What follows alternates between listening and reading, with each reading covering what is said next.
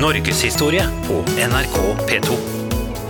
På 1700-tallet gjennomgikk Norge en medrevolusjon da tidsskriftene så dagens lys. Nå vokste det frem en ny borgerlig offentlighet.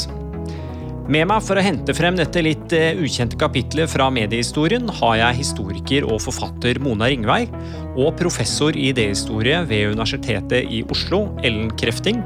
Velkommen hit. Tusen takk. Mona, det er jo tidsskriftene som er det nye her. Men eh, fantes det aviser på den tiden også? Eh, Ja, absolutt. Altså, her må vi eh, tenke Danmark-Norge som en enhet. Ja. Den første, første danskspråklige avisen kom ut i 1661, så det eksisterte jo aviser eh, forut, altså for 1700-tallet, fordi i 1701 så skjedde det noe viktig, en reaksjon på disse eh, småskriftene som allerede da hadde begynt å komme i ulik skala. Blant annet altså økonomiske nyheter og disse utenlandsnyhetene, som det ofte var da, på vers. Eh, og skillingsviser og sånne ting. Um, og da kom det en forordning som eh, gjorde det forbudt å publisere nyheter, eh, og samtidig mene noe om dem. Og for å være konkret så brukte man altså ordet resonnementer. Det er ikke lov å resonnere om det som skjer, eh, og det er ikke lov å spekulere om hva ulike hendelser eventuelt kan føre til. Og der har man egentlig kimen til den tidsskriftsoffentligheten som så utviklet seg. Fordi det som da skjedde, det var at noen konsentrerte seg om å publisere nyheter. Hva skjer i den store nordiske krig? Hvem har falt i hvilke slag? Osv. Og så kunne alle andre skrive og mene og synse om moral. Og de kunne søke kunnskap, vitenskapssøkende tidsskrifter osv. Slik startet det. Ja, for I forrige episode så snakket jo vi om eh, bøkene og trykke, altså forhåndssensuren av bøkene i, under Danmark-Norge. Og dette gjaldt også andre type skrivesaker. da. Ellen? Ja, alle trykte publikasjoner var eh, utsatt for eh, forhåndssensur eh, under enveldet før 1770. Og det gjaldt ikke minst nyheter, kanskje underlagt den strengeste sensurpraksisen. Men eh, dette, dette tidsskriftmediet, som, som skyller eh, inn over Danmark-Norge også, eh, etter inspirasjon fra, fra masse tidsskriftmoter i, i Europa, eh, blir jo også underlagt forhåndssensur, men så lenge de holder seg unna nyheter, og ikke blander inn nyheter med det meningsstoffet som de produserer, og så lenge de ikke fører religiøse diskusjoner om religion eller om politikk eller økonomi, og ikke driver med ærekrenkende personretta angrep, så, så er eh, sensurpraksisen relativt eh, liberal da, omfor, omfor det nye tidsskriftmediet. Men hva er det de kunne skrive da som eh, var interessant? Det høres ut som at de, alt som var gøyalt, det var forbudt. Eh, nei, altså Det som på en måte skjer da, er jo at folk begynner å ta i bruk visse litterære virkemidler som ironi og sarkasme. Og eh, moralske betraktninger, det var jo en sånn veldig fin inngang til å kunne diskutere fordekt mange andre temaer, som f.eks. politikk. Så det var jo en veldig eh, blomstrende sjanger. Og så diskuterte man og eh, bedrev eh, utstrakt grad av eh, ulike former for kritikk av litteratur, av teater f.eks.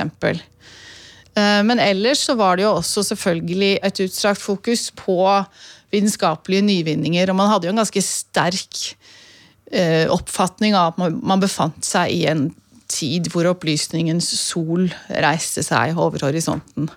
Eh, Den offentligheten som vokste frem, var jo også så sprekkferdig av kritisk eh, undertekst, også politisk og kritikk av enevelde og sånt noe. Så det er vanskelig egentlig å se at de, at de, de egentlig fulgte regelverket, men det gjorde de. eh, Fordi de gjorde bruk av eh, fordekt språk, men lett gjennomskuelig. Og det som er interessant, er jo at i 1799, altså år, helt ved århundrets slutt, så hadde jo graden av ytringsfrihet hadde jo også variert veldig. altså Fra konge til konge så gikk det jo opp og ned hvor streng man var. Eh, men i 1799, da helt ved slutten av dette århundret, så strammet jo uh, Fredrik 6., da, eller han var kronprins på det tidspunktet, inn trykkfrihetsbestemmelsene. Da ved å forby ironi. Og etter 1799, ja, da er det strengt. Da er det kjedelig å lese tidsskriftene i Danmark-Norge. Det var jo en utstrakt grad av selvsensur inne i bildet her. Folk visste, stort sett, hvor grensene gikk, og hva de kunne tillate seg og ikke tillate seg. Eh, likevel så kan jo vi i dag, når vi kikker på disse tekstene, være ganske sånn forundret over hvor langt de kunne gå i um, å diskutere sosiale spørsmål, delvis politiske spørsmål. Et av de store, liksom, viktigste sakene for veldig mange tidsskriftskribenter og utgiver var jo rett og slett trykkefrihetssaken selv. ikke sant? Eh, og vi kan forundres over det, men, men saken er jo at, eh, at de ble jo forhåndssensurert, disse tidsskriftene. Og sensoren, som satt på Københavns universitet og gjerne var professor i historie når det gjaldt med det. Holberg var f.eks.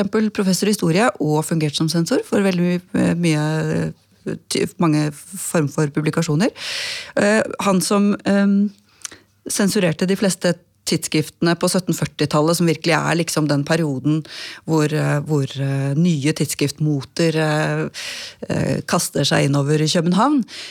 han var jo en professor i, i retorikk og veltalenhet som var interessert i at publikasjoner skulle komme ut i dette litt skrinne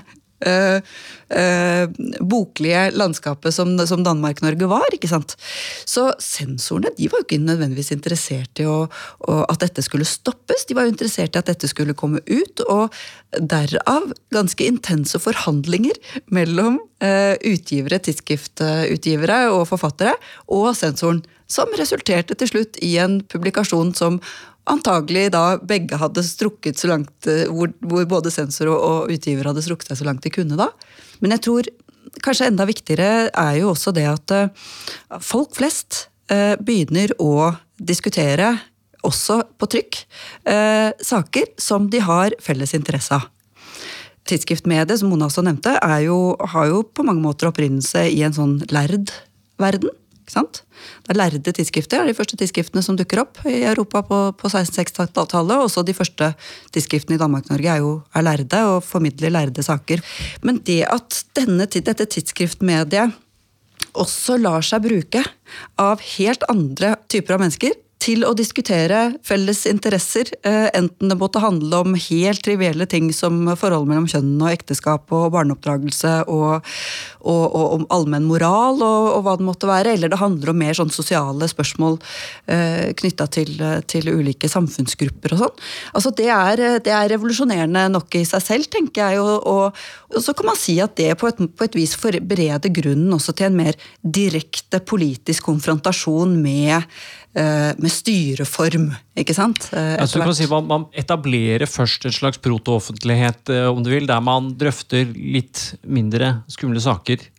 Jeg vil ikke engang kalle det proto-offentlighet, fordi at det er en offentlighet som inneholder like mange eh, mangfoldige elementer som i og for seg vår mangfoldige offentlighet i dag gjør. ikke sant? Eh, vi har jo et eller annet sånn idealbilde av hva offentlighet skal eh, var og, og, skal være, kanskje. Men, eh, ikke, det er mange ting ved, ved, offentligheten vi ikke liker så godt. Og kanskje det er mer sånn trivielle og kjedelige. Kanskje alt det som har med følelser, det personlige, individuelle, alt det som vi tenker er sånn overflødig. Men det er helt sånn konstituerende for offentlighet i det hele tatt. I hvert fall hvis du ser på, på 1700-tallet. ikke sant? Altså all den der, Alt det der hverdagslige, alt det, all den leken òg all den der polemiske leken de har rundt, eh, rundt ganske trivielle ting, det er et, en, viktig, en, viktig, del av offentligheten som, eh, som jeg tenker det, vi, ja, vi må ikke glemme den når vi bare er på jakt etter det som handler om direkte politisk kritikk. Norgeshistorie på NRK P2. Det var jo også sånn, altså det er jo en dobbelthet i, den 17, altså i kongemaktens holdning til den offentligheten. Fordi at også kongemakten selv er interessert. Uh, og de kongen er på en måte litt avhengig av at folk uh, snakker seg imellom også. eh, slik at eh, kongen og hans menn kan få en oversikt over hva som faktisk rører seg, ikke bare av synspunkter i befolkningen, Eh, det er én ting, men kunnskaper. Eh, og på et eller annet tidspunkt, altså i 1755, så ble det jo også da utstedt en invitasjon til borgere i både Danmark og Norge, eh, hvor man innstendig, hvem som helst, om han kunne skrive eller ei, spilte ikke noen rolle, bare da skulle få hjelp til å skrive. Men de var da ute etter det de kalte avhandlinger. Det betyr jo bare egentlig tekster om et tema, om noe man kan. Og da var de ute etter å vite alt om mineraler og naturlig ikke sant, eh, betingelser rundt omkring i landet, og spesielt for å få oversikt over det der eh, rare landet i nord, med, som jo er så helt annerledes enn Danmark, så var dette et ønske fra kongemakten. Og resultatet av den invitasjonen eh, det ble jo at det kom inn en del tekster, og man etablerte magasinet, altså økonomisk og hva heter det, fysisk Danmark og Norges økonomiske magasin. Så det var også da en del av denne tidsskriftoffentligheten. Jeg blir forvirra, for det, det, på en side så har man litt sånn hard hånd og forhåndssensur og sånn, men så vil man også høre fra fra de, de, som bor i landet? Jeg tror det er viktig å eh, legge seg på sinnet nettopp den um, ehm, 1701-forordningen. Eh, altså det handler om uh, å ikke skape rykteflom og usikkerhet rundt kongens politikk. Eh, og det man må huske er at Dette er ikke nasjonalstater, det er fyrstestater. Slik at all politikk som har med altså, inter, altså alliansepolitikk, krig og fred å gjøre, som jo da er viktig, det legges ikke ut for offentligheten. Det foregår og også økonom økonomiske saker foregår bak lukkede dører. Og så er det religionen. Og det er disse tingene som på en måte ligger bak forhåndssensuren. Men det er ikke et diktatur, eller altså, det er ikke en styreform som ønsker å tie i hjel folk fullstendig. Men selvfølgelig ambivalent da, hele tiden. Og den offentligheten som utvikler seg, er jo Uh, har jo også den dobbeltheten at På den ene siden så utvikler man et borgerideal som kant, som er helt motsatt av det man opprinnelig egentlig skal dyrke. altså Man uh, går vekk fra å være en undersått til å være en nyttig borger. Uh, og da diskuterer man også sant, det allmenne vel, som jo egentlig er et annet ord for politikk. Ja, Borgerskap er et nøkkelord her. Eh, det vokser jo i denne perioden frem en ny type offentlighet, som gjerne får navnet den borgerlige offentlighet. Hva legger vi i det begrepet, Ellen? Ja, altså Det er jo en, en tysk sosialfilosof som heter Jürgen Habermas, som, som uh, står for den autoritative definisjonen av dette her. Uh, og det handler uh, Det er ikke så veldig komplisert. Det handler om det som skjer når private borgere kommer sammen for å føre seg imellom rasjonell debatt og kritikk. om ting som interesserer dem, og dette foregår da utenfor og uavhengig av statsmakten. Det er definisjonen på en, på en borgerlig offentlighet. Hamas han, han, ser jo framveksten av denne borgerlige offentligheten eh, på 1700-tallet og knytter det veldig sterkt til til framveksten av borgerskapet, og det er litt problematisk når vi snakker om Danmark-Norge. Ja, Det går ikke i hop. Det går ikke helt i hop, fordi vi, det, er, det, det, er, så lite eh, borgerskap eh, egentlig å snakke om. Eh, i, ja, hva, da må vi nesten definere det. da. Hva, hva ville mhm. vært borgerskapet? Hvorfor er det vi ikke har det i, eh, i Danmark-Norge? Altså, jeg tror det er veldig viktig å si i tillegg til det, da, bare før vi går videre med det, at uh, den, mest, den, alvorlige innvendingen her er at uh, det er kongens menn selv som er så dypt involvert i utviklingen av offentligheten i Danmark-Norge. Ja. At man kan ikke postulere den som et ekstra statlig fenomen på samme måte. Og, Nei, Geistlig også er involvert, ikke sant? Ja, ja, absolutt. Ja. Ikke sant? Så det er flere punkter i Jamas ja. diskusjon som, som, man på en måte må, må, brekke opp litt for å få det til å passe med, med Danmark og Norge. Og det er jo for det første dette med borgerskapet som nesten ikke fins. Men til gjengjeld eh, hvor vi har eh, andre samfunnsgrupper som er, eh, er dypt involvert. I Danmark-Norge så er tidsskriftoffentligheten den er full av, eh, av håndverkere og, og, og, arbeidsledige prester og dårlig betalte huslærere. Altså folk som, du, som ikke tilhører egentlig noen av disse gruppene her, og, men som likevel um, deltar i en sånn og driver fram en, en resonnerende diskuterende, ofte mye mer konfliktfylt også offentlighet. Norgeshistorie på NRK P2. Den borgerlige offentligheten.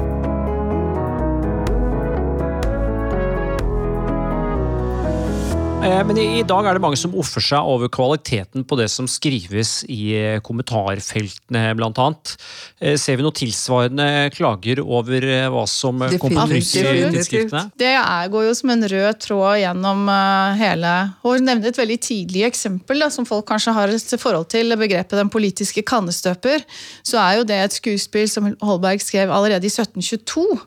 Altså det er et av hans tidlige suksesser. Eh, og det handler jo nettopp om håndverkere som sitter og politiserer seg imellom og ikke aner hva de snakker om. Og eh, Holberg er morsom, så de blir uh, grundig latterliggjort for sin interesse, og de leser aviser, og de leser kartene opp ned, og de aner ikke hva de driver med. Og, Holberg er jo en som på mange måter forfølger eh, tidsskriftmediets inntreden i, i Danmark-Norge. Han er jo på 1740-tallet, da, hvor, eh, hvor denne Spectator-tidsskriftmoten eh, slår ned i København, så er jo Holberg en aldrende eh, forfatter. Han har hatt stor suksess, han er historieprofessor og, og er jo også i ferd med å bli adlet. Og så kommer disse Spectator-tidsskriftene, det, det som også kalles i den perioden for moralske ukeblader. Og dette reagerer altså Holberg så sterkt på, og skriver i mange sammenhenger om dette nye tidsskriftfenomenet som en, selvsagt en skrivesyke. En Det er et- skrivesyke, ja. Det er et tåpås, og vi finner det allerede i antikken. Det er ikke noe nytt på 1700-tallet. Men det blir plukka opp igjen eh, akkurat på 17 1740-tallet. Tarmløp kaller Holberg det. Han skal det skrivesyke, og, ta, og han, han sier at ja, dette landet som tidligere har, til og med har vært, eh, hatt problemer med, med forstoppelse, nå renner det bare ut som et tarmløp. Og, og disse tidsskriftutgiverne de, de er altså det, det verste eksempelet han kan vise til av en type prosjektmakere som han hadde skrevet om allerede i dette skuespillet fra 1720 eller 22, politiske kannesøper. Så han har ingenting til overs for dette nye mediet. Så det er jo på en måte det er en type mediekritikk også som vi, som vi kjenner igjen. ikke sant? Det der, hvem, er, hvem er disse folka som skal, skal ytre seg og, og, og sette alt sitt uh, ræl, liksom? Eh, ut i offentligheten. Men eh, har vi noen av disse som da eh, var aktive skribenter for tidsskriftene, som bejubler dette? Som skriver om hvor flott det var at de nå omsider fikk, fikk Altså, skrive? Disse tidsskribentene selv, de, jo, de har jo på en måte de, de kaster seg jo over dette nye mediet og ser det som en mulighet. Eh, Både til å få sine egne liksom, meninger og, og perspektiver og kanskje små dikt og skriverier på trykk. Men jeg har også lyst til å legge til at uh, noe av den fellesskapsfølelsen som de jo hadde, det var jo også at de tilhørte en opplysningstid. Altså Den selvbevisstheten er jo veldig sterk. Uh, og slik at de bejubler jo at de er med på dette uh, fenomenet, og at det er voksne, og at det sprudler, og at det er masse energi og aggresjon og mye spennende disputter eh, i det hele. Eh, Men også denne opplysningstankegangen, altså den bevisstheten om at de er med på å lete etter sannhet gjennom disse diskusjonene. Det er det de gjør. De skal finne for å komme fram til en bedre fremtid. Og der har du det politiske underliggende. Men en av de opplysningselementene som også ligger i selve tidsskriftmediet, eh, det er jo hvordan tidsskriftene reproduserte eh, den kunnskapen som ble produsert eh, i, Europa. Altså at man trykket utdrag fra Rousseau, fra Montesquieu og Kant. Altså Det var ikke sikkert det var så mange som leste Kants verker i sin helhet eh, den gangen heller, men man diskuterte utdrag, og man diskuterte disse store filosofene.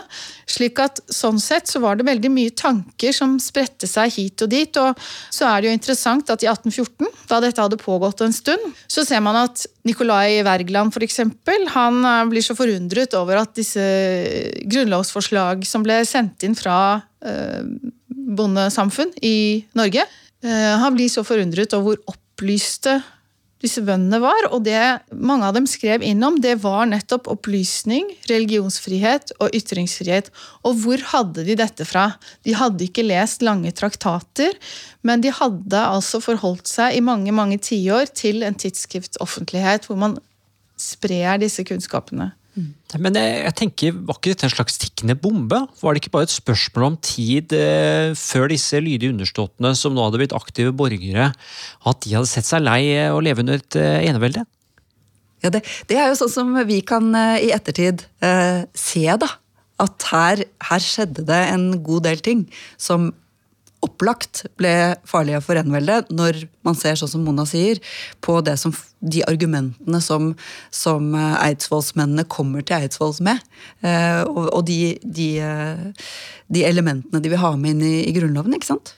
Så ser vi hva slags type, type sprengkraft som lå i en sånn, en sånn diskusjon. da. Men under eneveldet selv så er det ikke sikkert at eh, dette ble, ble betrakta som så farlig, nettopp av en sånn eh, universitets- eller professor i statslære som Snedorf, ikke sant? Som, som mente at nei, ja, eneveldet var helt opplagt avhengig av en, en trykkefrihet, og, og, det var jo sånn man kunne bevare en, en, en opplyst og, og, og et velfungerende enevelde. ikke sant?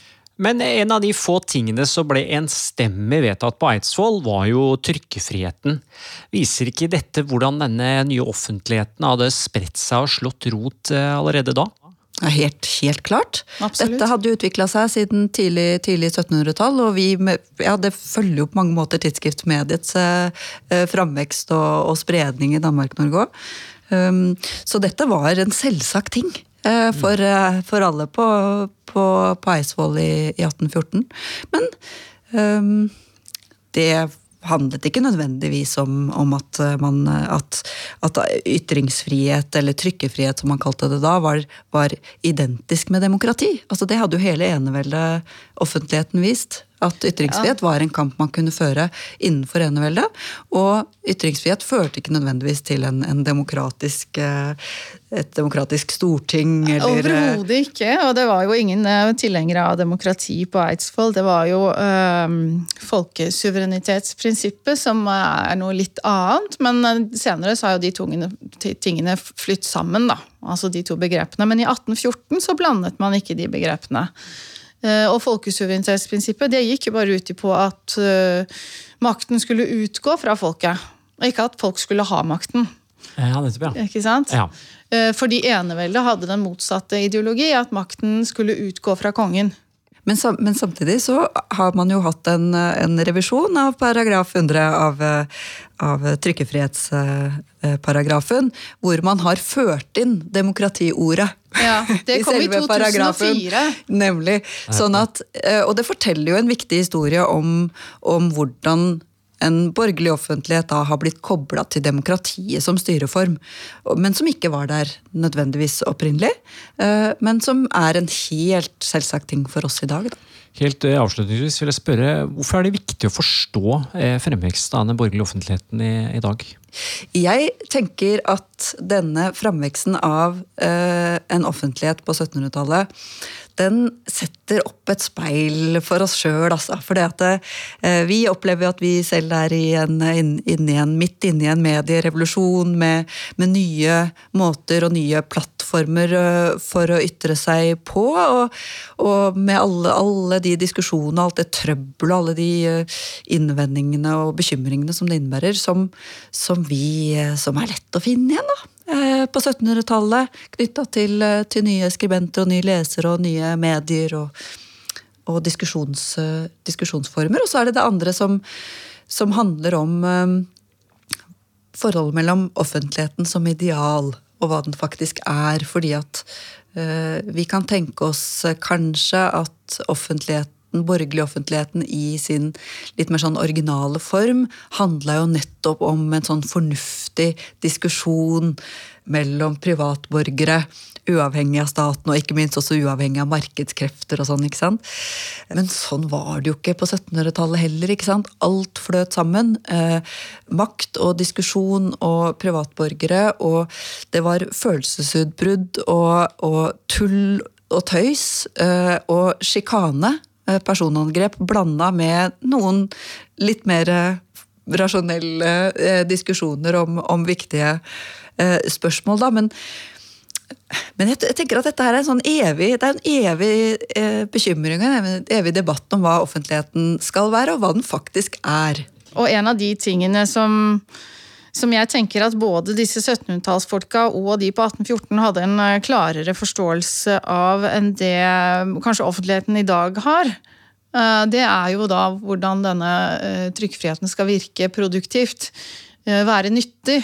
Og selv om man var altså spydigheter og litterære slåsskamper på 1700-tallet overgår det meste, men de hadde en, en vidd, da. Og et vidd og en eh, humor som som på et eller annet vis bør ikke være noe ideal, men uh, den kommer fra et sted. Og det er noe interessant ved det, og det er noe annerledes. Jeg er ikke så sur den offentligheten på 1700-tallet. den er liksom munter selv om den er sint. Ja, de leker. Dette er jo nye, ikke sant? Det er jo på en måte en sånn ny, ekspanderende ja. offentlighet som, som leker Altså, det er så lekent. Eh, mm. Ja, det er det. Det er annerledes. Mona Ringvei, Ellen Krefting, tusen takk skal dere ha. Takk selv. Selv takk. Du lyttet til serien Medienes stemmer og maktens sensur, produsert av Norgeshistorie ved Universitetet i Oslo. Mitt navn er Anders Brenna, og ansvarlig for denne serien er Ellen Katrine Lund.